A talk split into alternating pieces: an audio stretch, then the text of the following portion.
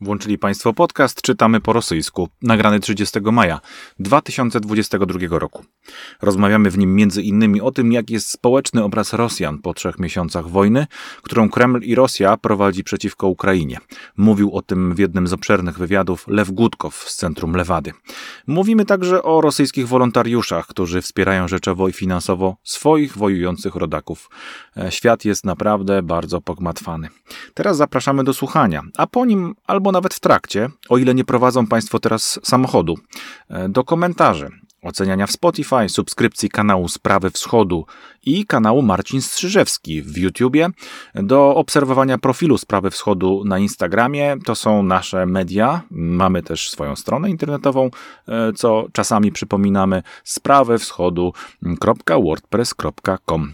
Podcast czytamy po rosyjsku przygotowuje dla Państwa niewielka redakcja w składzie Bartosz Gołąbek, Magda Paciorek i Marcin Strzyżewski. Niedawno dołączyła też do nas ze swym dźwięcznym szczekaniem Szyszka, ale jeszcze nie jest formalnym członkiem redakcji. No cóż, zapraszamy do słuchania.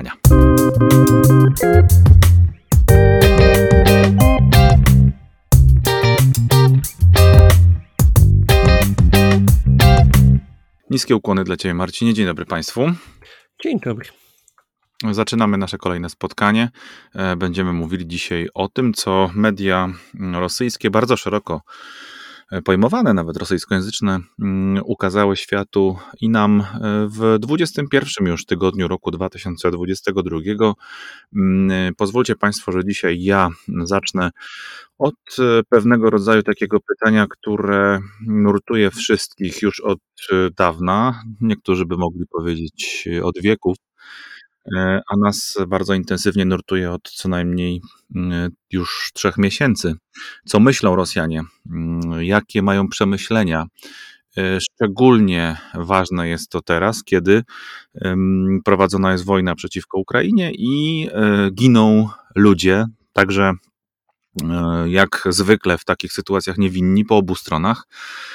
I bardzo trudno jest e, poszukać e, odpowiedzi na to pytanie. Ona być może ta odpowiedź nie jest miarodajna e, nawet z najlepszych źródeł, jeśli by się jej poszukało. No ale próbujmy dociekać jednak, próbujmy się czegoś dowiedzieć.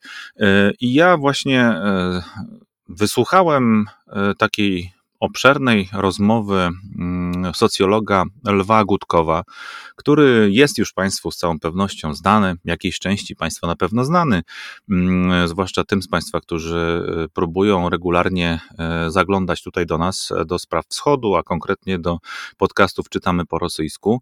Mm, więc Lew Gutkow prowadzi, e, jest prowadzącym socjologiem, jest liderem Centrum Lewady, który, to też przypominam, w Rosji jest postrzegany jako agent zagraniczny.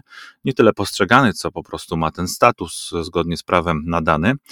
I e, właśnie mm, na kanale, który prowadzą redaktorzy, którzy jednocześnie są małżeństwem na emigracji. Redaktorzy dawnej telewizji Deszcz, mówię o Tichonie Dziadko i Katerynie Kotrikadze, pojawiają się różnego rodzaju materiały, w tym także rozmowa Walerii Ratnikowej, e, też dziennikarki byłej telewizji e, Deszcz, e, która wypytała Lwa Gutkowa, na okoliczność tego, co myślą Rosjanie, jak należy czytać badania społeczne, które są prowadzone i czy należy się w ogóle do nich przywiązywać, czy należy im ufać. Pozwólcie mi Państwo teraz i drogi Marcinie, też mi pozwól na taką krótką opowieść tego, co, streszczenie tego, co usłyszałem, bo mm, wydaje się to być e, niezwykle interesujące. Ilu Rosjan i wspiera działania wojenne w ogóle, co teraz się w tej sprawie dzieje. Przypominam też Państwu od razu, że Lew Gutkow prowadzi badania ze swoim zespołem w Federacji Rosyjskiej, w Rosji i nie można tam pytać o wojnę, można co najwyżej zapytać o e, operację specjalną, żeby nie narażać ani pytających, ani tych, którzy są właśnie tymi ankieterami, ani tych, którzy na to pytanie mają odpowiedzieć, bo takie sformułowanie jest w Federacji Rosyjskiej paragrafowane. W marcu poparcie dla tej operacji w takim razie, tak ją nazywajmy po rosyjs z rosyjska, w kwietniu spadało, później wzrastało. To jest tak, tak naprawdę poparcie też dla działań prezydenta, no, niemalże się nakładają. Mm, teraz e, wygląda na to, zgodnie z tym, co powiedział Gutkow, na poziomie jest 74%. No i jaki jest sens tego wyniku? E, co tak naprawdę za nim stoi? Co to znaczy poparcie dla mm, e, Putina i państwa. W większości, e, jak twierdzi Lew Gutkow, jest to poparcie, które deklarowane jest przez osoby starsze i na rosyjskiej prowincji. E, to jest rezultat, który kręcą, wykręcają, wyśrubowują osoby także słabiej wykształcone. Za to jakaś część niezadowolonych z tego, co się dzieje, to jest oczywiście przede wszystkim młodzież, lepiej wykształceni mieszkańcy wielkich miast. Ich może aż tak bardzo dużo nie ma, jakby nam się wydawało, ale jednak jest to jakaś dola respondentów, którzy mogą wpływać na wyniki tych badań. No i oczywiście tutaj także chodzi o dostęp do alternatywnej informacji. Tylko ci, którzy potrafią do niej dotrzeć, którzy potrafią e, ominąć blokady, mają umiejętności, mogą e, ewentualnie kreować jakiegoś rodzaju inny pogląd. No i przejdźmy się też po pytaniach, które zostały postawione Lwu Gutkowowi. Pytanie, które jest chyba fundamentalnym, należy od niego zawsze zacząć. Jak w ogóle można prowadzić te badania w tego typu państwie, które nam się wytworzyło od pewnego czasu w Rosji? Mamy procesy za fejki, mamy obawę w ogóle, jak sugerowała dziennikarka, przed tym, żeby w ogóle wypowiadać się politycznie. No i tutaj bardzo interesująca odpowiedź Lwa Gutkowa. Właściwie jego zdaniem niewiele się zmieniło od czasów, nazwijmy je, przedwojennych. W totalitarnych reżimach uważało się, że to ludzie boją się odpowiadać e, w ogóle na pytania. Teraz to jednak wiadomo w tych sprawach nieco więcej. Chodzi o to, że ludzie właściwie nie tyle boją się odpowiadać, co rezygnują z próby zrozumienia z tego, co się właściwie wokół nich dzieje. Państwo totalitarne za nich te tematy obsługuje i załatwia. E, bardzo interesujący jest ten wątek, który wskazuje na ilość odmów w braniu udziału w badaniach socjologicznych, w badaniach społecznych. Mówimy głównie o e, takich ankietach telefonicznych. I tutaj też Lew Gutkow rozwiewa pewne mity, bo rzeczywiście uważa się, że teraz jest bardzo ścisła obawa przed tym, żeby cokolwiek powiedzieć. A Gutkow mówi, że ludzie raczej generalnie w Rosji już od pewnego dłuższego nawet niż krótszego czasu są pasywni, apolityczni i w rzeczywistości i tak popierają to, co by się tam nie wydarzyło. I dla nich branie udziału w badaniu nie ma sensu. To oni bardzo często odmawiają w ogóle odpowiedzi na jakiekolwiek pytania, które mają aspekt lub charakter mm, pytań politycznych. Na kontakt zaś z ankieterem e, w imieniu Centrum Badań prowadzących wywiad e, chętniej reagują pozytywnie mężczyźni, lepiej wykształceni właśnie z dużych miast, którzy mają swoje zdanie i rozumieją jego znaczenie, mówi Gutkow. Zatem odmowy w braniu udziału w tych ankietach to tak naprawdę nie do końca jest protest to po prostu jest rzeczywistość e, społeczna Rosji dzisiejszej. E, to jest e, tak naprawdę problem socjologiczny, który spotyka wszystkie firmy i instytucje badające, tak zwany response rate, odsetek odpowiedzi, który w przypadku tego tele, telefonicznego badania ma bardzo dużo wahnięć, odchyleń. Po pierwsze, trudniej zatrzymać jest respondenta przy telefonie, rozmowa jest krótsza, bardzo często niepełna, jest mniejsze zaufanie do prowadzącego taki wywiad niż w badaniu osobistym osobistym. Jest tutaj naprawdę bardzo dużo e, dodatkowych elementów, które no, kształtują obraz badania niepełnego, czyli odrzucania tak naprawdę tych wyników. 23%, do których się dzwoni respondentów, w ogóle nie odpowiada na ten telefon, 10 do 15% rozłącza się, są też niestabilne połączenia, jakaś część ludzi mówi, że nie może rozmawiać, mimo że dodzwoniono się do nich. To jest naprawdę bardzo trudna, mozolna praca. Gutkow mówi, że aby zbadać próbę w Rosji, mówi o rosyjskich warunkach swojego centrum, 1600 respondentów, to trzeba wykonać ponad 5000 telefonów. No i kto mówi o tym, że ludzie ze strachu odmawiają, to nie do końca zna fach socjologiczny, mówi o tym Gutkow, a rzeczywiście pojawiło się sporo różnego rodzaju takich amatorskich ankiet, one też pojawiają się na Twitterze, Maxim Katz ostatnio też o tym pisał, że tak bardzo dużo ludzi w ogóle nie zechciało odpowiedzieć e, na zadane przez niego pytania, e, ale zdaniem Gutkowa to jest bardzo ważne, drodzy Państwo, i to jest nawet powiedziałbym zaskakujące. Po 24 lutego, który jest datą rozpoczęcia tej potężnej eskalacji wojny w Ukrainie, dokładnie tyle samo osób nie jest badanych, czyli odmawia, ile wcześniej. To się w ogóle nie zmieniło. Więc y, to jest ważne, żeby o tym pamiętać. Na ile ludzie są szczerzy, jeśli zakładać, że przyłączanie się do większości jest korzystne dla nich. Więc y, jeszcze jedna ważna teza Gutkowa. Nie ma co mówić o strachu tych ludzi, bo masa ludzi jest po prostu obojętna wobec polityki, nawet teraz. No i to są lojaliści, jak się o nich czasami mówią. Tak powiedział o tym właśnie Gutkow. E, Waleria Ratnikowa nazwała tych ludzi konformistami. E, to jest taka postawa, drodzy Państwo, zdaniem socjologa. E, oni wiedzą, że władza ich oszukuje i gwałci informacyjnie, ale w Rosji nie ma społeczeństwa, które może konfrontować swoje przekonania i otrzymane informacje od władzy na zewnątrz tej bańki, no więc muszą sobie radzić we w takiej swoistej, zamkniętej strukturze. No a tak naprawdę krytycznie nastawieni do tego, co się dzieje, myślący krytycznie, to jest około 15 do 17% społeczeństwa zawsze. I to jest zupełnie inna struktura społeczna. Także to są też bardzo interesujące E, wątki, które e, nakładają się mm, na rozumienie tego, jak patrzą na ten świat wojny Rosjanie. E, replikowana jest świadomość sowiecka, mówi Lew Gutkow. To też jest ciekawa teza, bo mm, wielu ekspertów, analityków mówi, no to nie jest powrót do Związku Radzieckiego, Putin tego nie zamierza, przecież to jest inna charakterystyka, jest dużo podobieństw, ale ostrożnie z tym. Gutkow za to mówi, że świadomość sowiecka jest replikowana, bo to wynika w różnego rodzaju właśnie ankietach jakościowych mm, i na przykład odpowiadają mu, mu to znaczy oczywiście ankieterom jego e, przedsięwzięcia, jego instytucji, odpowiadają ludzie, że wiedzą od przedszkola bardzo często, że Ameryka jest wrogiem. No i właściwie tak to wygląda, że ludzie wiedzą, jak wygląda życie na, życie na Zachodzie, wiedzą, że ono jest raczej dostatnie. Mówimy o generalnym wymiarze, takim wyobrażeniu, ale wiedzą też, że Rosja do takiego poziomu pra prawdopodobnie nie dojdzie. Więc występuje coś w rodzaju kompleksu niedowartościowania z jednej strony, takiego permanentnego, no i społeczeństwo próbuje się od tego właśnie kompleksu troszeczkę dystansować, uwolnić. No i robi to za pomocą narzędzi, które przynosi mu władza e, mówiąc, że jesteśmy inni, że Rosja ma bogatą kulturę, tradycyjne wartości, próbują te wartości u nas zabić. I to prowadzi do tego, że ta kampania wojenna właściwie mm, przynosi wzrost samozadowolenia.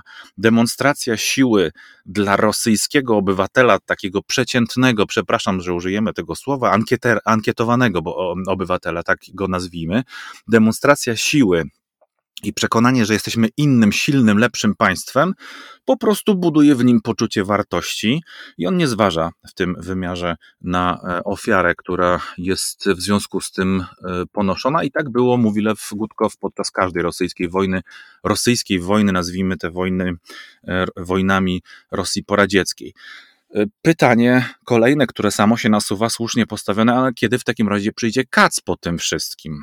Kac, oczywiście nie Maxim Kac, tylko e, Kac w rozumieniu mm, syndromu dnia poprzedniego, czyli taki poalkoholowy, tak byśmy go mogli określić, mm, rodzaj no, cierpienia. E, który także w tej moralnej sytuacji mógłby się objawić. I y, Gutkow twierdzi, sugeruje, że może to nastąpić stopniowo już pod koniec lata tego roku, a więc wczesna jesień. Władza to rozumie i próbuje teraz tego i temu jakoś przeciwdziałać. Najbardziej przestraszeni mm, są ludzie najbardziej właśnie najlepiej wykształceni, więc im trzeba troszeczkę pomóc. To jest mały i średni biznes, może nawet więcej niż troszeczkę. Trzeba ich zasypać pieniędzmi w różnych formach. Trochę też trzeba wesprzeć młodych ludzi, bo oni też są lepiej doinformowani, więc ten kac e, informacyjno-świadomościowy do nich przyjdzie wcześniej. No a prowincja jest biedna, była biedna i raczej będzie biedna i dopiero to poczuje, mm, kiedy e, no, ta wojna będzie widoczna realnie w portfelach i na półkach. E, no i oczywiście tu jest ta opowieść także o tym, jak e, te pytania stawiać, bo jest to I to Lew Gutkow oczywiście wprost przyznaje, że postawienie pytania o specjalną operację wojskową, mm, a postawienie pytania o wojnę w Ukrainie to są dwa różne zupełnie systemy wartości, które się od razu uruchamiają. Operacja wojskowa, operacja specjalna kojarzy się z jakimś uporządkowaniem, celowością, tymczasowością, krótkotrwałością. Wojna zaś to jest oczywiście zespół zupełnie innych konotacji, które rosyjski respondent e, w sobie musi uruchomić.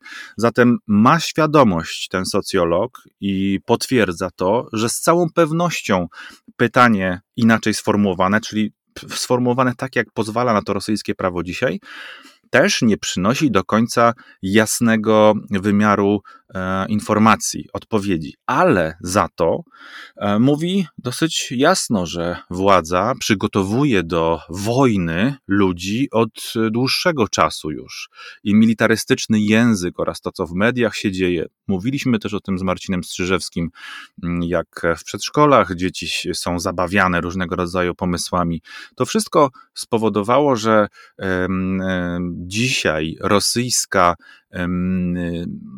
rosyjska, rosyjski obraz społeczny charakteryzuje, uwaga drodzy Państwo, powiem to, co powiedział Lew Gutkow, to jest cytat, charakteryzuje pełna amoralność. Tylko 9% badanych czuje się winna kwestii tego, że giną w Ukrainie ludzie. Reszta Mm, dystansuję się od tego problemu. Nie ja decydowałem o tym, więc nie mam z tym związku. To nie moje ofiary. Mm, to jest z jednej strony rozerwanie władzy i społeczeństwa, ale z drugiej y, strony ludzie dostosowują się do tej represyjnej świadomości do granic możliwego. To jest uczucie takie, że no, w kuchni wszyscy są bohaterscy swojej, można napluć na władzę, ale już publicznie wiedzą doskonale, e, jak się zachować. No i Lew Gutkow mówi o swoistym moralnym dylemacie, który wystąpił dokładnie 27 lutego w Centrum Badania Opinii Społecznej imienia Jurija Lewady.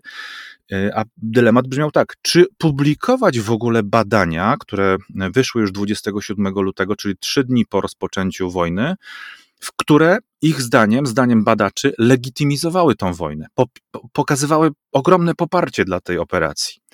E, no i nie opublikowali go, i tak później one wypłynęły. Konsultowali się nawet z tym z przyjaciółmi, z ekspertami, również socjologami w Kijowie, czyli z socjologami, którzy reprezentują to społeczeństwo napadnięte e, i jednak zachowali się tutaj nie do końca uczciwie wobec e, siebie samych, nawet tak troszeczkę to zabrzmiało w przypadku Lwa Gutkowa.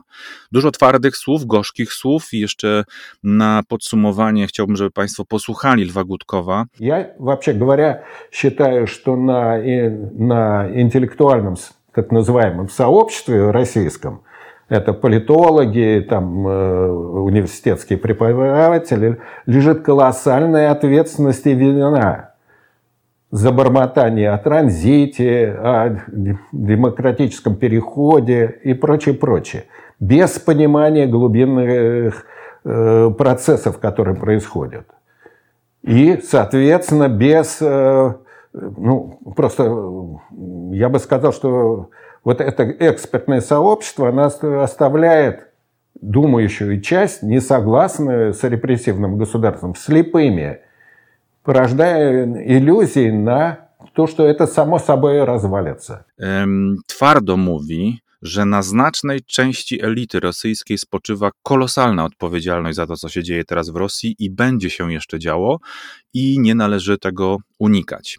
Mówi tak: mm, Odpowiedzialność kolosalna spoczywa na politologach i innych ekspertach, także wykładowcach akademickich, mm, za, e, jak to ujął, gadanie o tranzycie władzy, demokratycznym przejściu do nowego etapu, a y, okazuje się, że nikt nie rozumiał realnie procesów, które się w Rosji toczą.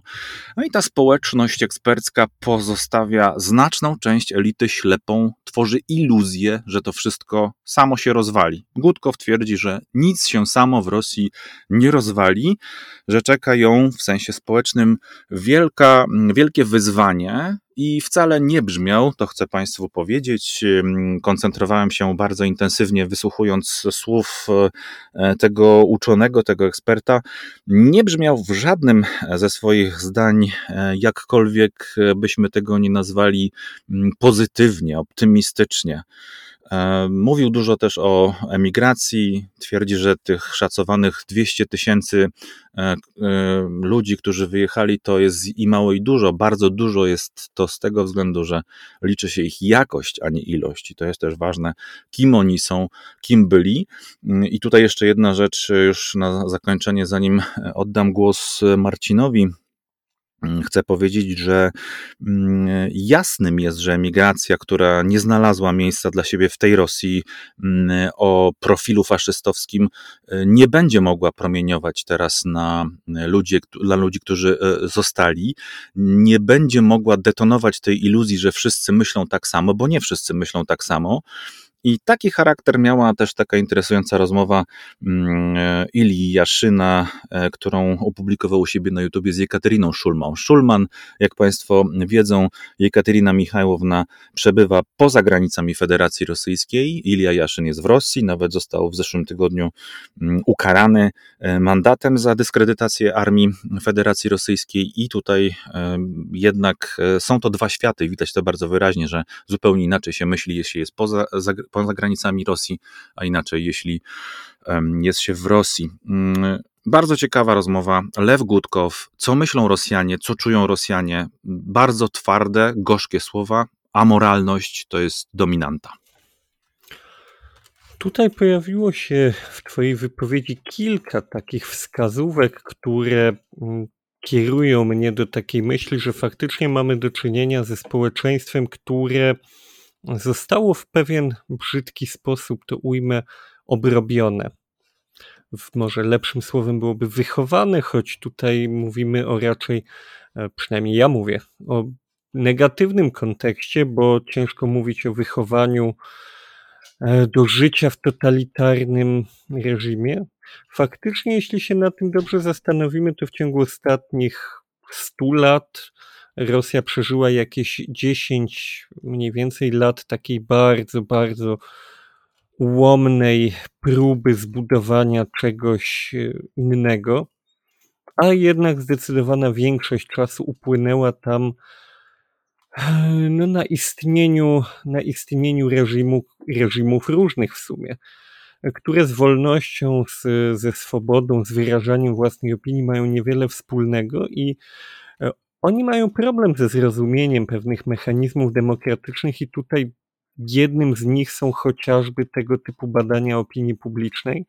A to jest też, zdajmy sobie z tego sprawę, mm, element procesu demokratycznego, który można rozumieć, ale można też nie wiedzieć do końca o co chodzi, bo to służy jakiemuś celowi, to do czegoś prowadzi, ale no, ci ludzie nie do końca zawsze zdają sobie sprawę, po co jest to wszystko i do czego to służy.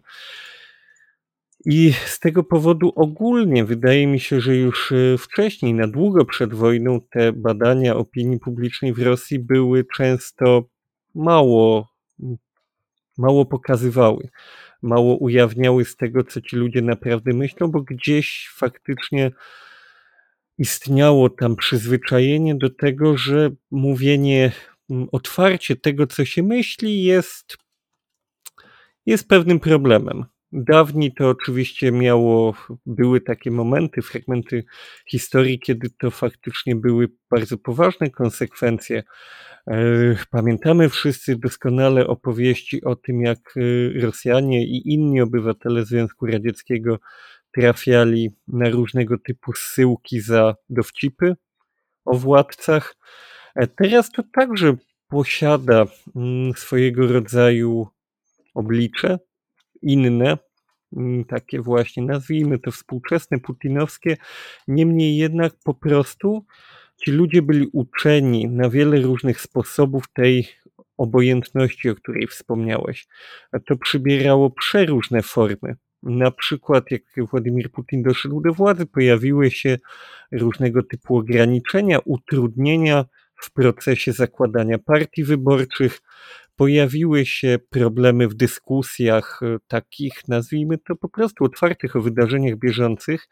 Problemy polegające na tym, o tym też już mówiliśmy, że właśnie mm, rosyjska propaganda działała często na zasadzie tworzenia dziesiątek różnych wersji danego wydarzenia w taki sposób, żeby na tyle, mm, jakby to ująć, wzbić pył w wodzie, stworzyć taką właśnie mętną wodę, w której nie do końca wiadomo, co się dzieje, na co patrzymy, stworzyć wrażenie, że lepiej tego wszystkiego nie dotykać, bo się tylko ubrudzimy. I to jest taki, byśmy powiedzieli, wyuczony system, wyuczony sposób na to, żeby przekonać ludzi, że nie warto się tym wszystkim po prostu zajmować. I oni to teraz widzimy faktycznie. Część z nich nie chce się tym zajmować, część nie widzi sensu, część uważa, że polityka jest czymś zupełnie nie dla nich, więc po co to, po co to w ogóle ruszać. Część na wszelki wypadek popiera, bo już tak się pogubiło w tych wersjach, i to jest też ciekawy wątek, mm, ciekawy mechanizm. Jeśli się pogubimy w tym, kto jest dobry, kto jest zły, mamy całą masę przeróżnych informacji w stylu e, biolaboratoriów, jak to mówią po rosyjsku, produkujących broń biologiczną przeciwko Rosjanom, to gdzieś mi się wydaje, można dojść do wniosku, że w takim ogólnym zamieszaniu najprościej, najlepiej będzie po prostu wspierać naszych. Bo patriotyzm, przywiązanie do narodu, do kraju, mówiąc brzydko, do plemienia, to jest coś takiego bardzo pierwotnego, bardzo zrozumiałego dla ludzi. Ja tu nie wnikam w szczegóły, po prostu jestem za naszymi. I nieważne co się dzieje, jeśli nasi żołnierze rosyjscy giną, to ja ich będę wspierać. I prawdę mówiąc, jest to trochę przerażające, bo przez pokolenia, dosłownie przez pokolenia, władze rosyjskie, przy czym różne, budowały w sobie taki elektorat ludzi w sposób bardzo świadomy, być może wręcz byśmy powiedzieli wyrachowany. Mm, nam łatwo jest bardzo w tej chwili oceniać Rosjan i powiedzieć, że oni wspierają Putina, a przecież to jest wiadomo, że to jest y, zły człowiek i y, teraz powinni wszyscy Rosjanie cierpieć i tych sankcji i doznawać i porażki i dojść z wojskami do Moskwy i ich ukarać wszystkich, a musimy sobie zdawać właśnie sprawę z tego, że to był wielopokoleniowy, wielodziesięcioletni proces, e, tak jak mówię i jak się wydaje, świadomego budowania społeczeństwa, które będzie lekceważyć te problemy, unikać trudnych odpowiedzi, konfrontacji z władzą, nie będzie y, to społeczeństwo wierzyło w to, że zmiany są możliwe. To też był bardzo wyraźny, mm, że tak to ujmę, fragment tej edukacji społecznej, przekonywanie ludzi, że tylko Putin, bo jak nie, to wszyscy zginiemy. To był bardzo istotny element całego tego procesu,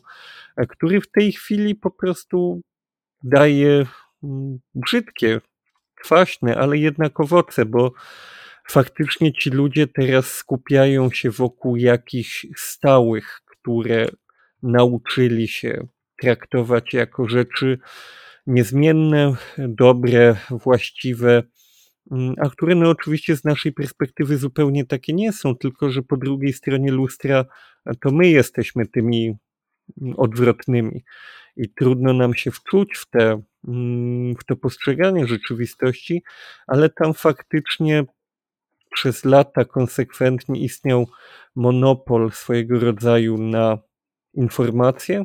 Oczywiście niekompletny, niepełny, e, nie niemożliwy do przebicia, ale to były dziesiątki kanałów telewizyjnych, setki stacji radiowych, gazet, portali internetowych.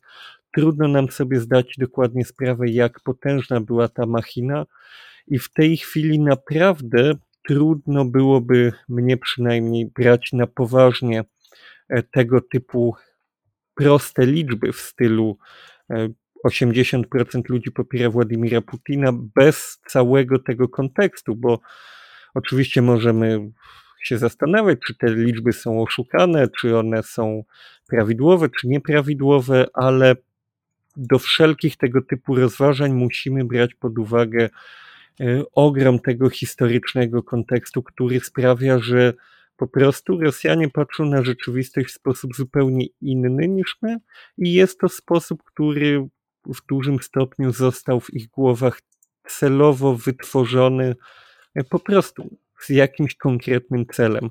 Między innymi z takim, że właśnie władza robi to, co ona uważa za słuszne, i są to rzeczy, które no, z punktu widzenia takiej ogólnoludzkiej moralności są trudne do obronienia, bo bombardowanie ludzi no, jest trudne do obronienia, a mimo to nie ma masowych protestów, nie ma jakiegoś ogromnego sprzeciwu takiego faktycznego.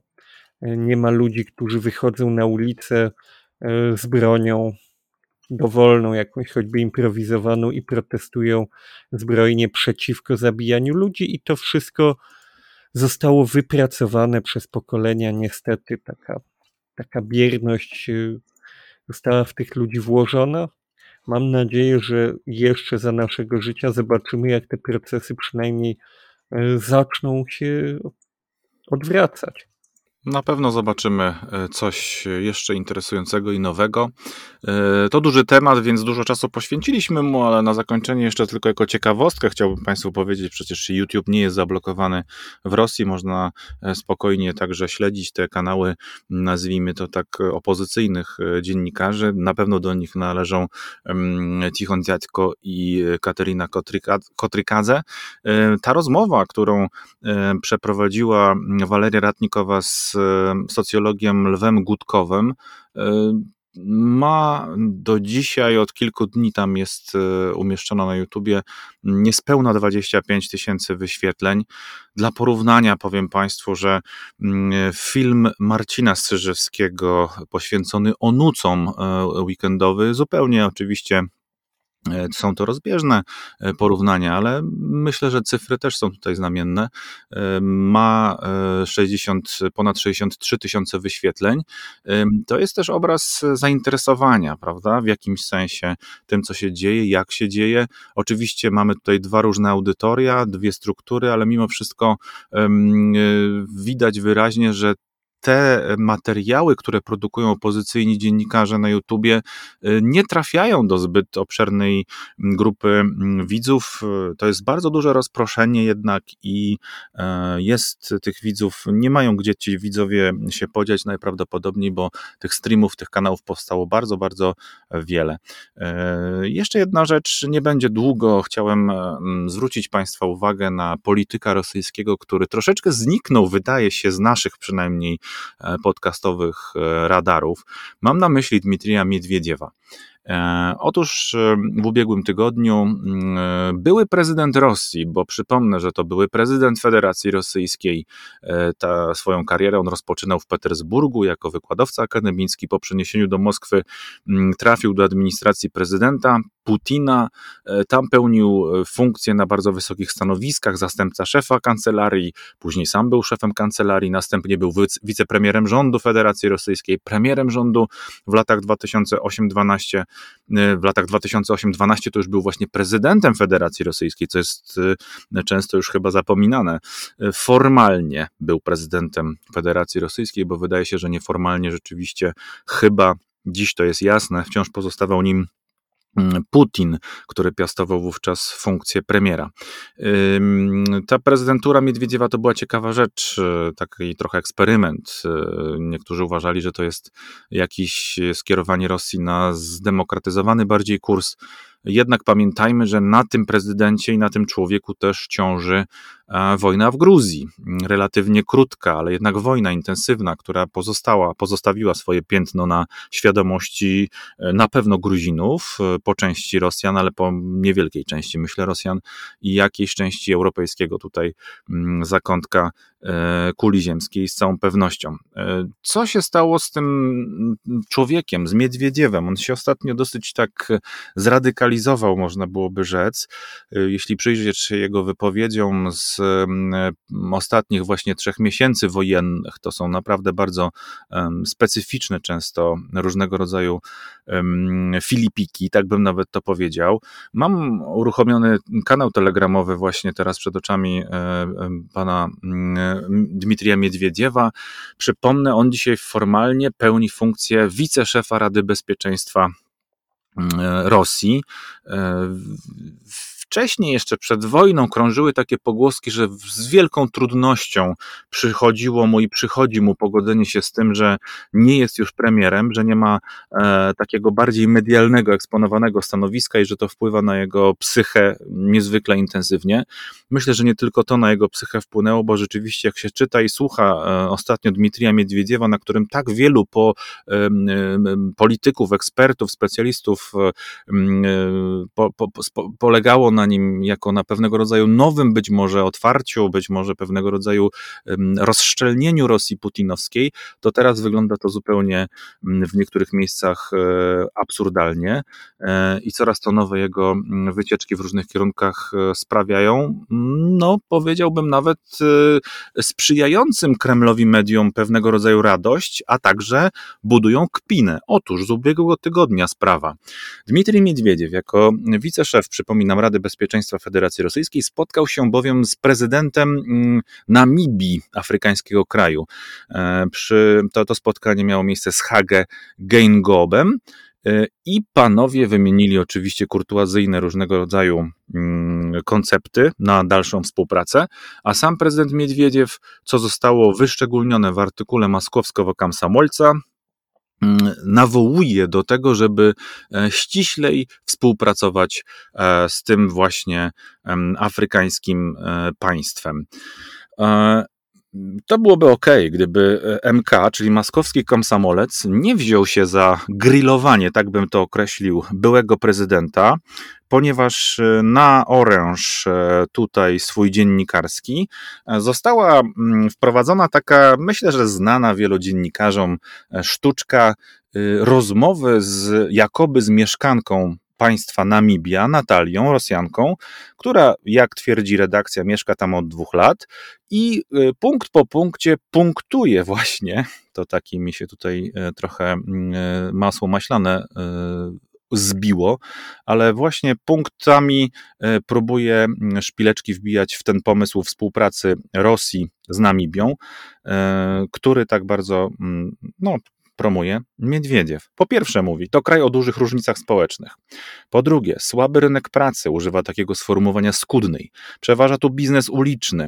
Namibia wchodzi w top 10 krajów, w których rozprzestrzenia się dynamicznie HIV, turystyka, tak, ale tylko myślistwo. Problem polega na tym, że narodowe linie lotnicze na Libii zamknięto w 2021 roku, a poza tym nie ma tam e, stamtąd bezpośredniego połączenia z Rosją.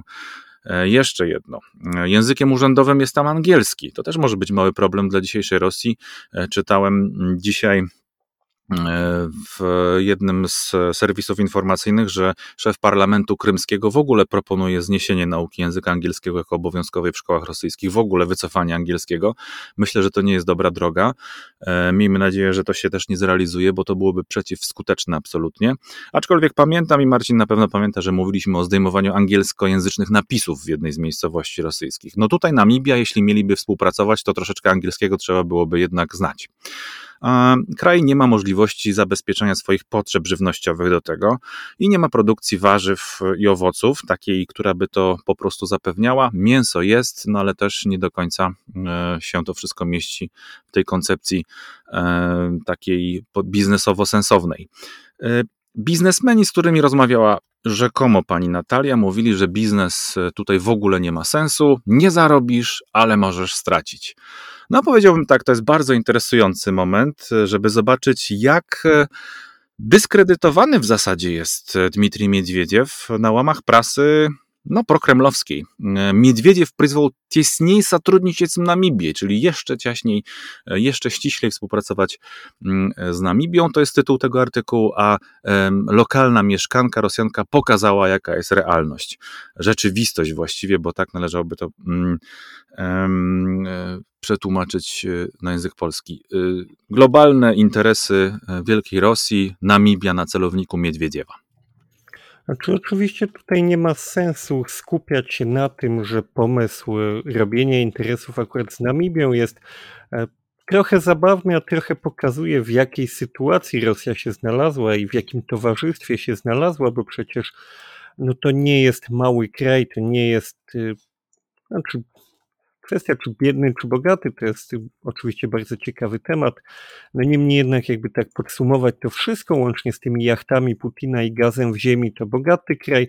Mogliby sobie pozwolić na mm, interesy z poważniejszymi graczami. Natomiast tutaj ciekawe jest trochę co innego. Faktycznie e, powiedziałeś, że były prezydent Miedwiediew w ostatnim czasie się tak uaktywnił i tutaj też warto powiedzieć, że ta jego nowa aktywność ma taki charakter prowojenny.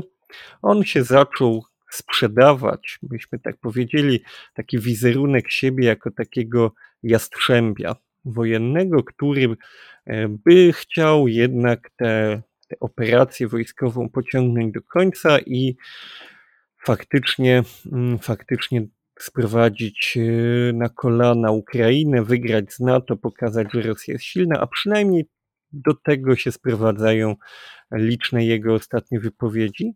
I tutaj była ciekawa mm, interpretacja tego, tej zmiany, bo faktycznie choćby za czasów swojej prezydentury on się dał pokazać jako człowiek taki, no może nie nie nazwalibyśmy go liberałem w zachodnim rozumieniu tego słowa, natomiast na pewno był zdecydowanie bardziej liberalny, pro-zachodni, otwarty na świat niż Władimir Putin. Zresztą warto tutaj, jak już poruszyłeś temat nauki języka angielskiego, powiedzieć, że właśnie za jego czasów pojawiły się różne zresztą reformy, w tym reformy związane z nauką języka angielskiego w szkole. One zostały później odwołane, ale on był jakby pro tym, mm, tym reformom.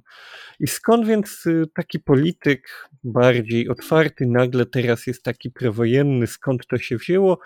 Padła tutaj taka teoria, nie jestem już pewny, chyba Aleksandr Niewzorow to y, powiedział, że on się stara sprzedać tak zwanemu blokowi siłowemu po to, żeby w momencie, w którym dojdzie do ponownego podziału władzy, a myślę, że wszyscy tam w Kremlu doskonale sobie zdają sprawę z tego, że dojdzie do niego, e, to będzie w stanie zawrzeć jakiś rodzaj koalicji z tymi, których w tej chwili uznaje za silnych, czyli wojskowych, ludzi z FSB, i on będzie wtedy w stanie w jakiś sposób wokół tej władzy się utrzymać. Być może ma nadzieję na powrót na stanowisko prezydenta. Jest swojego rodzaju naturalnym kandydatem, kandydatem, no bo w końcu jest w tej chwili jedynym żyjącym Rosjaninem, który nie jest prezydentem, ale ma doświadczenie w tej robocie, prawda?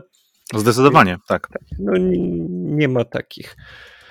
To znaczy, więc... jest jeszcze jeden prezydent, ale Związku Radzieckiego, żyjący sędziwy Gorbaczow, więc to nie ta sama e, kategoria. No, no, nie, to, to trochę co innego, to no, podobne CV, ale powiedzmy, że z tych dwóch jednak e, to pan Miedwiediew ma teoretycznie większe szanse.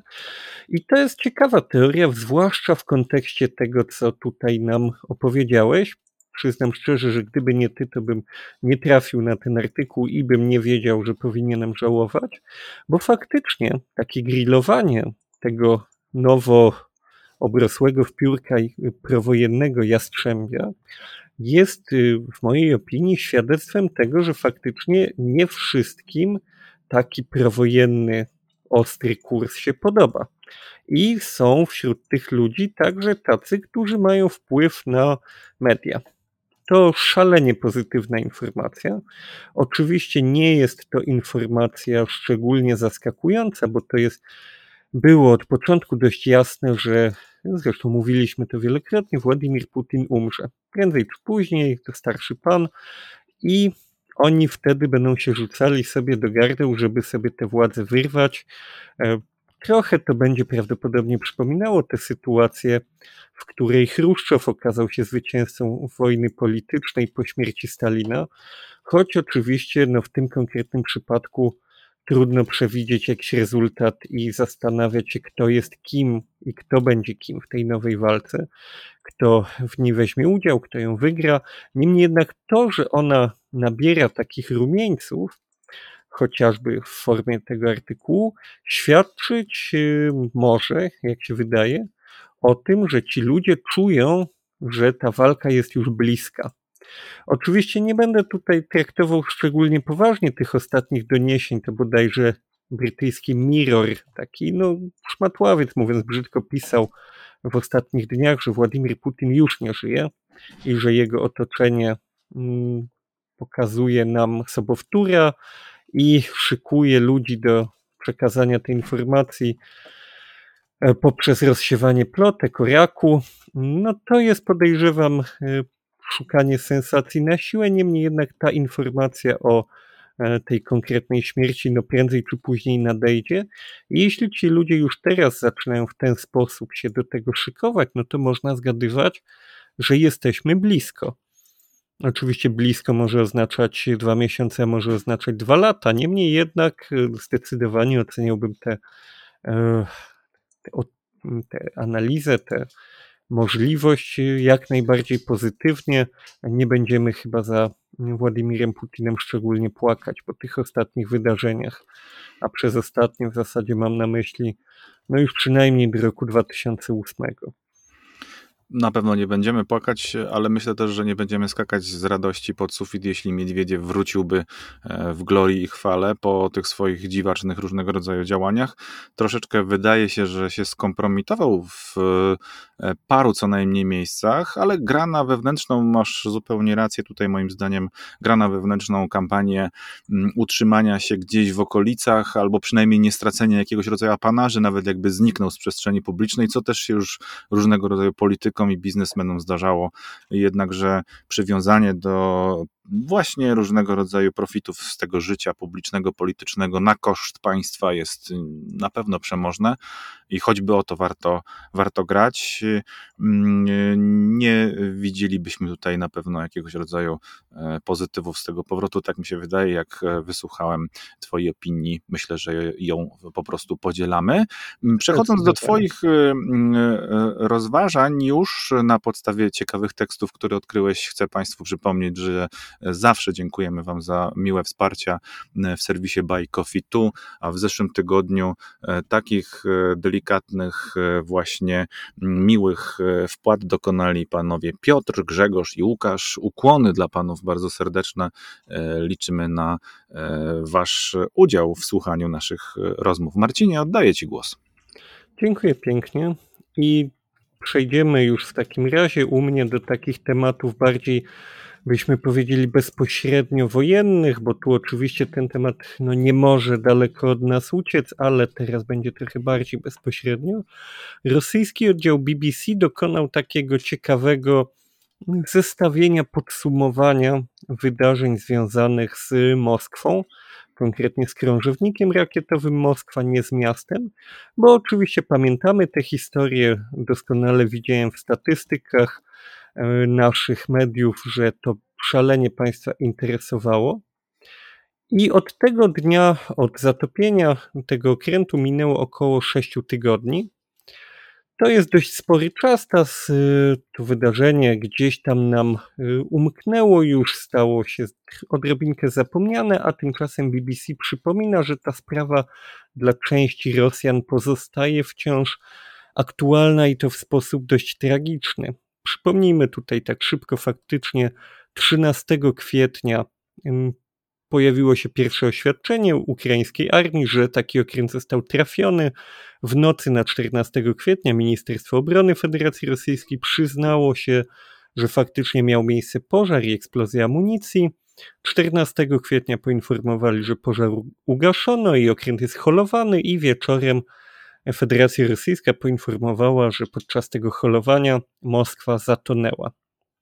22 kwietnia, 8 dni później, e, ministerstwo rosyjskie poinformowało o jednym poległym. Wcześniej była mowa o tym, że wszyscy e, zostali ewakuowani. Mm, i pojawiła się informacja o 27 marynarzach, którzy przepadli bez wieści, co oczywiście w przypadku okrętu na pełnym morzu jest dość dwuznacznym sformułowaniem, no bo gdzie oni mogli się podziać, jeśli nie zostali wyłowieni z tej zimnej wody, no to jest to dość y, czytelna sytuacja. Według nich tam pozostałych było 396 marynarzy mm, i od tego momentu nie ma dalszych informacji co do losów załogi, to znaczy nie zostało podane, co się stało z tymi ludźmi, którzy oficjalnie przepadli bez wieści. Nie podano informacji o tym, żeby jeszcze ktoś miał zginąć chociażby w szpitalu w wyniku e, obrażeń poniesionych podczas tej katastrofy. Ukraińska strona twierdzi, stwierdziła w ostatnich e, dniach, niedawno już w maju, że dwa tygodnie trwała operacja wydobycia ciał i sprzętu z wraku. Jednak najciekawsze i najbardziej przykre, tragiczne wiadomości płyną od rodziców e, tych ludzi, którzy zaginęli, których e, śladów nie udało się odnaleźć. W ogóle to jest nie do końca jasne, ilu tych ludzi tak naprawdę było, bo faktycznie jeśli patrzeć na te liczby podawane przez ministerstwo, sumować ocalałych, tych, którzy przepadli, tego jednego, który zginął, wychodzi 424 marynarzy. Według strony z informacji ministerstwa rosyjskiej, rosyjskiego Ministerstwa Obrony, która zniknęła już z tej strony. Marynarzy na pokładzie mogło być nawet 680. Meduza podawała według nieoficjalnych danych informacje o 37 poległych i ponad 100 rannych. Jedna z matek, z którą udało się dziennikarzom skontaktować, mówiła, że ci ranni zostali wysłani do różnych szpitali w różnych zakątkach Federacji Rosyjskiej i że mieli podpisać dokumenty zobowiązujące ich do utrzymania tajemnicy. Mm, według tej informacji od rodziców e, poległych, rannych, zagubionych pojawiła się też taka taki wątek mówiący o tym, że ciężko ranni pozostali nie, nieewakuowani na pokładzie okrętu, co sugeruje, że oni mogli pójść razem z tym okrętem na dno. Dodatkowo pojawiają się tutaj informacje dość, no także niepokojące, choć tutaj trudno mówić o tym, żeby to było większa czy mniejsza tragedia. Niemniej jednak, według niektórych źródeł, nawet dwie trzecie załogi Y, krążownika Moskwa, to mogli być żołnierze poborowi. Tak jak mówię, trudno wartościować i mówić, że jeśli ktoś podpisał kontrakt, to jego śmierć jest y, mniej tragiczna, a jeśli ktoś został wcielony do wojska zgodnie z prawem, ale przymusowo, to jest mniej tragiczne. Trudno to, trudno to ważyć, niemniej jednak no, tacy poborowi, no to ludzie młodsi zazwyczaj, mniej doświadczeni, tacy, którzy na tę wojnę nie wybrali się z własnej woli. Pojawiły się tutaj e, także wypowiedzi pana Dmitrija Szkriebica, który ma być właśnie jednym z ojców tych e, zaginionych, który miał od ministerstwa otrzymać informację w pewnym momencie pod koniec kwietnia, że e, nie może dostać dokładnych informacji, bo okręt nie brał udziału w specjalnej operacji wojskowej, nie brał udziału w walkach, nie znajdował się na wodach terytorialnych e, obcego państwa, więc jego syn mm, nie ma takiego statusu uczestnika działań bojowych. Później 10 maja miało się pojawić, miała się pojawić informacja, według której e, nieoficjalna informacja, według której ten status uczestników działań bojowych przyznano marynarzom z Moskwy. Tu jeszcze się pojawiła w tym artykule też informacja o tym, że na początku maja media z USA zaczęły informować o tym, że zatopienie Moskwy miało, miało mieć związek z przekazaniem danych wywiadowczych przez Stany Zjednoczone Ukrainie. To nie zostało, z tego co wiem, oficjalnie potwierdzone.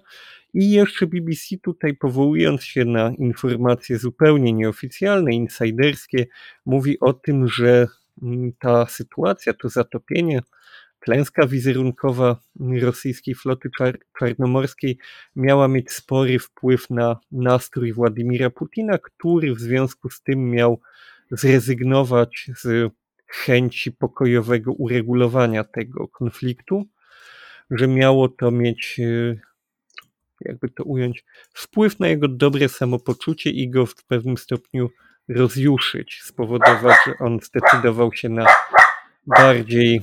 Przepraszam Państwa. Rozjuszyłeś, rozjuszyłeś szyszkę. Tak, to jest, proszę Państwa, to na to szczekające pod drzwiami, Sławka. Nie, no, szyszka daje. Szyszka daje. Mhm. Oddam Ci głos jeszcze w tej chwili. No więc, drodzy Państwo, tutaj rzeczywiście e, kumulacja absurdalnych różnego rodzaju e, wątków, e, które ten element związany z statkiem, który zatonął na służbie, ale nikt nie jest w stanie zweryfikować, ilu w ogóle marynarzy na nim w danym momencie w ogóle służyło, no to są rzeczy y, niebywałe.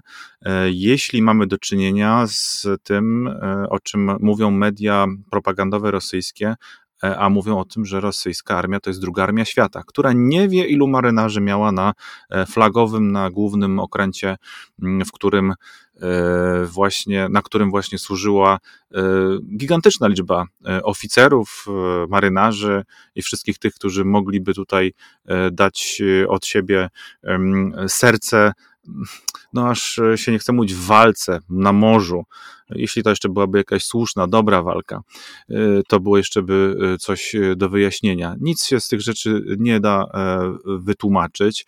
Mm, przypomina mi się w tej sprawie i on bardzo koresponduje taki wywiad Jekateriny Gordijewej z trzema matkami e, właśnie nie marynarzy, ale żołnierzy, którzy służą na Ukrainie lub służyli w tym kraju e, służyli, czytajcie, walczyli przeciwko e, Ukrainie, e, które to matki nie są w stanie uzyskać żadnej informacji wciąż także od państwa rosyjskiego, od służb wojskowych, co się z ich dziećmi dzieje.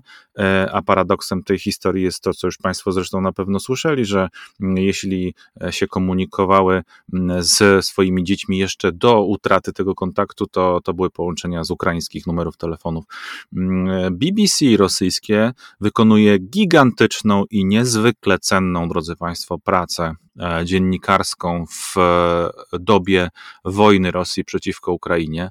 Każdy tekst, który tutaj się pojawia, każdy podcast e, rosyjskiej służby BBC, zapewniam Państwa, jest na wagę złota, jest sam w sobie po prostu doskonałym materiałem do tego, żeby poznać lepiej wszystkie strony możliwie wszystkie strony medalu tej wojny, e, społeczeństwa, w zasadzie społeczeństw, które e, zostały w nią e, uwikłane. Mm, doskonała rzecz. Chciałbym, żeby takich mediów było jak najwięcej. Chylę czoła dla tego serwisu, dla wszystkich dziennikarzy, którzy tu pracują. Mm, a przy okazji tego tekstu, który Marcin Strzyżewski wyszukał dla nas, Magda Paciorek wyszukała też w tym właśnie interesującym nas e, dokumencie dziennikarskim słowo, które brzmi ucieczka. Posłuchajmy, jakie ono może sprawić e, problemy e, użytkownikowi języka rosyjskiego.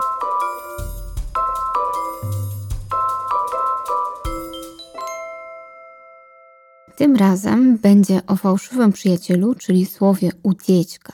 Появя оно в зданию, большая часть новых данных, которые стали известны за это время, поступала из утечек и новостей со ссылкой на источнiki. Duża część nowych danych, które są znane w tym czasie, pochodzi z wycieków i wiadomości z odsyłaczami do źródeł.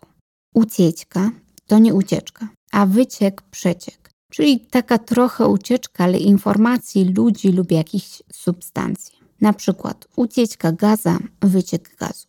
Słowo to używane jest do określania masowego odejścia, wyjazdu ludzi skądś. Na przykład ucieczka nasilenia z dierewni, odpływ ludności ze wsi. Najbardziej popularnym pojęciem z użyciem tego słowa jest ucieczka umów, drenaż mózgów. To jest emigracja specjalistów, uczonych i wykwalifikowanych pracowników ze względów ekonomicznych, politycznych i tym podobne.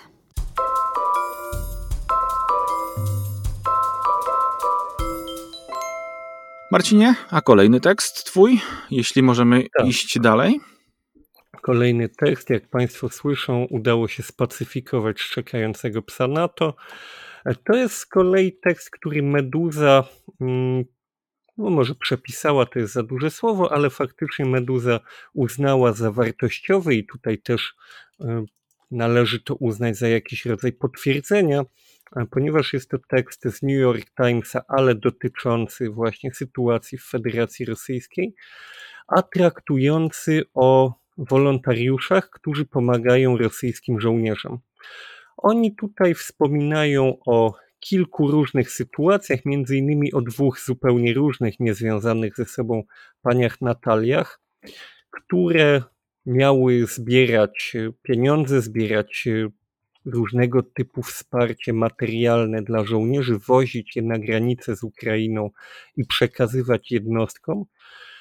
Jedna z tych pań udało jej się zebrać pomoc o wartości aż 60 tysięcy dolarów, inna przewiozła 3 tony różnego typu e, pomocy materialnej tym żołnierzom. Wśród tej pomocy tutaj New York Times wymieniał e, rzeczy zupełnie błahe, cebule, kartofle, ale też takie bardziej technologicznie zaawansowane, jak radiostacje, lornetki, materiały opatrunkowe służące do pierwszej pomocy, także rzeczy na wojnie faktycznie podstawowe.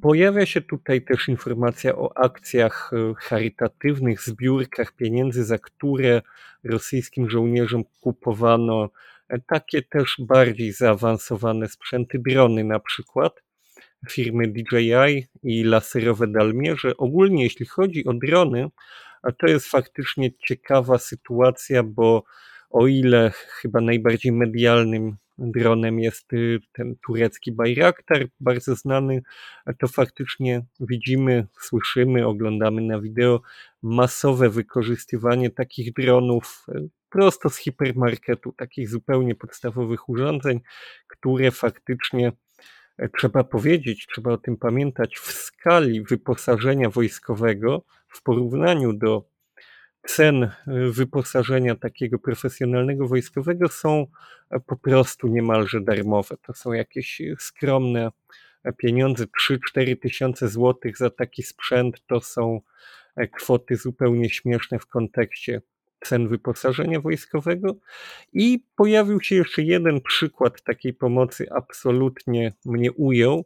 W Bielgarodzie miała się pojawić mała organizacja, nazwijmy to aktywistów, którzy przygotowywali dla rosyjskich żołnierzy e, taki domowym sposobem robiony spray na kleszcze. Oczywiście w sytuacji, w której spadają na nasze głowy pociski artyleryjskie e, kaliber 152 i obecnie coraz częściej 155 na rosyjskich żołnierzy natowski, no wydaje się, że borelioza odkleszczowa jest zagrożeniem drugiego stopnia, gdzieś tam mniej ważnym, niemniej jednak faktycznie także to e, potrafi stanowić zagrożenie, jeśli się czołgamy po tej trawie przez pół dnia każdego dnia, to łapanie klesza jest jak najbardziej możliwe. New York Times tutaj podkreśla, że mm, tego typu organizacje, tego typu wolontariusze nie współpracują zazwyczaj z rosyjskim rządem i faktycznie jak się śledzi rosyjską propagandę, rosyjskie media takie prorządowe, to nie do końca spotykam się z tego typu informacjami, z tego typu reportażami. Raczej eksponowane jest, y, eksponowana jest ta pomoc bardziej rządowa, oficjalna. Nawet mówiłem o tym dzisiaj na filmie już wcześniej o tym mówiłem, kiedy streszczałem Państwu e, historię mieszkanki Mariupola, która, której udało się uciec do Krakowa i którą udało mi się spotkać, porozmawiać. E, ona opowiadała o Centrum Pomocy Humanitarnej w Mariupolu, która się, które się nazywa po prostu Jedina Rosja, tak jak rosyjska partia rządząca. Nawet w komsomolskiej prawdzie dzisiaj pojawiło się zdjęcie tego obiektu z takim wielkim logo z białym niedźwiedziem, właśnie partii Jedynej Rosja, także podkreślane jest to, że to pomaga ten rosyjski rząd, rosyjskie państwo, a ci wolontariusze gdzieś pozostają w cieniu. i Amerykanie się dogrzebali do takiej informacji. Faktycznie jest to trochę e, powiązane, trochę nam się tu znowu niechcący rymuje z tą historią, o której mówiłeś e, na początku, z tą pierwszą i z moim komentarzem do niej, o tym, że w momencie, w którym nie wiemy, co jest e, właściwe, co jest dobre, co złe, to po prostu trzymamy się tych najbardziej podstawowych wartości i po prostu wspieramy naszych. Nie wiemy dokładnie, co zrobić, jak się zachować, to po prostu dowieziemy głodnym naszym żołnierzom cebuli i kartofli. Bo no to jest takie działanie, które faktycznie trudno mu coś zarzucić, prawda? Głodnych nakarmić to jest taka podstawa, e, która nawet przy całej e, mojej prywatnej antypatii dla tej inwazji dla ludzi, którzy biorą w niej udział, no to trudno tutaj, trudno byłoby mi negatywnie oceniać ludzi, którzy po prostu chcą nakarmić swoich rodaków. Nawet jeśli ci rodacy bombardują ukraińskie miasta, to sam odruch jest jak najbardziej zrozumiały i szlachetny. Niemniej jednak właśnie jest to dla mnie pewnego rodzaju kontrast pomiędzy tym, w jaki sposób e, my tutaj w Polsce i sami Ukraińcy podkreślają wartość takiej oddolnej pomocy, prywatnej inicjatywy, jak się cieszymy, że Polacy nie tworzą jakichś e, gargantuicznych obozów dla uchodźców, jak chociażby w Grecji, tylko przyjmują Ukraińców prywatnie do własnych domów i nas to cieszy, staramy się o tym pamiętać, czujemy się z tego dumni, a tutaj w zasadzie wrogie media przedstawiają historię takich ludzi, którzy robią tego typu rzeczy po prostu prywatnie, samodzielnie. Jest to ciekawe, choć nie do końca przyznam się Państwu szczerze, że umiem wyciągnąć z tego jednoznaczne wnioski. To jest chyba jeszcze trochę na e, takie, taką jednoznaczność za wcześnie. Niemniej jednak sam, e, sam jestem po prostu zainteresowany tą sytuacją. Jest to dla mnie ciekawa obserwacja. Słyszę właśnie i sam się zastanawiam nad tym, jak bardzo tutaj można to e, klasyfikować w taki e, zero-jedynkowy sposób. Mm, no ale właśnie o to chodzi, żebyśmy wyszukiwali w tej e, mętnej E, brudnej wodzie wojny, czy też brudnym potoku informacji wojennych, jakichś takich ciekawostek, jakichś takich niejednoznacznych, nieoczywistych sytuacji, mm, na pewno moglibyśmy sobie zadawać pytania, jak to jest, e, czy ci ludzie nie mogliby przekierować jakoś inaczej tej pomocy, mm, pomoc, pomóc na przykład tym, którzy gdzieś próbują zatrzymać tą wojnę, prawda, a nie ją e, kontynuować i rozwijać.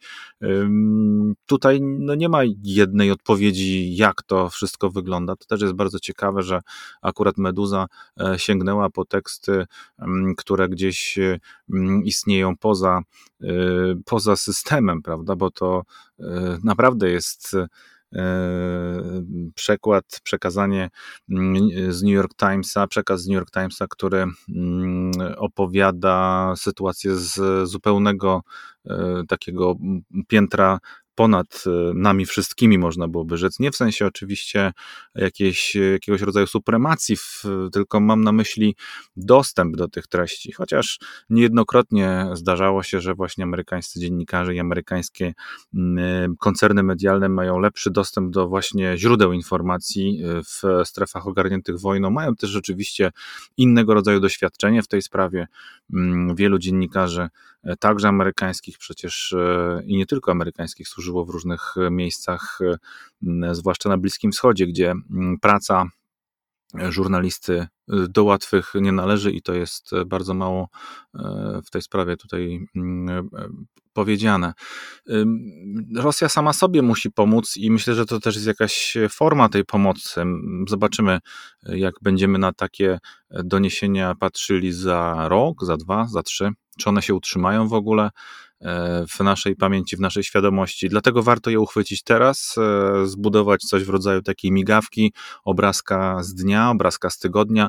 My takie obrazki z tygodnia, oczywiście bardzo subiektywne Państwu staramy się przeka przekazywać, ponieważ e, szukamy treści w rosyjskojęzycznym internecie, które nas po prostu zainteresują, ale staramy się też zadbać o Wasze poczucie komfortu informacyjnego, tak żebyśmy rzeczywiście ten, mapę informacji na temat temat tego, co się dzieje na wschodzie, mieli jak najbardziej bogatą. Więc tym bardziej byłoby nam miło, jeśli mogliby Państwo czasami nawet też zasugerować różnego rodzaju teksty. Można to robić. Przypomnę, że mm, funkcjonuje od dłuższego czasu strona Sprawy Wschodu mm, wordpress.com. Tam też jest adres mailowy do nas. Można się z nami w ten sposób kontaktować. Można też oczywiście wpisywać różnego rodzaju, e, liczymy tylko na te sympatyczne i wartościowe, ale różne się zdarzają, jak to w YouTubie. Komentarze, e, liczymy na ten zwrotny mm, e, komunikat od Państwa również. Jest on ważny. W ten sposób będziemy się mogli lepiej rozwijać i dać Państwu to, na co liczycie, ale nie zapominając też o naszych zasobach, a te zasoby pewnie, że są ograniczone. Staramy się jak potrafimy. Liczymy na dalsze wsparcie z Państwa strony. Słuchacie nas e, co tydzień e, po godzinie 23. Ta rozmowa jest emitowana właściwie już do wszystkich serwisów streamingowych, e, a nazywa się Czytamy po rosyjsku. To było już, drodzy Państwo, 70. wydanie tego właśnie pomysłu, który, w którym z Marcinem Strzyżewskim trwamy. Ja nazywam się Bartosz Gołąbek, dziękuję za uwagę i dziękuję też e, mój kolega z drugiej strony świata e, internetu. Dziękuję pięknie Państwu. Marcin Strzyżewski. Do usłyszenia.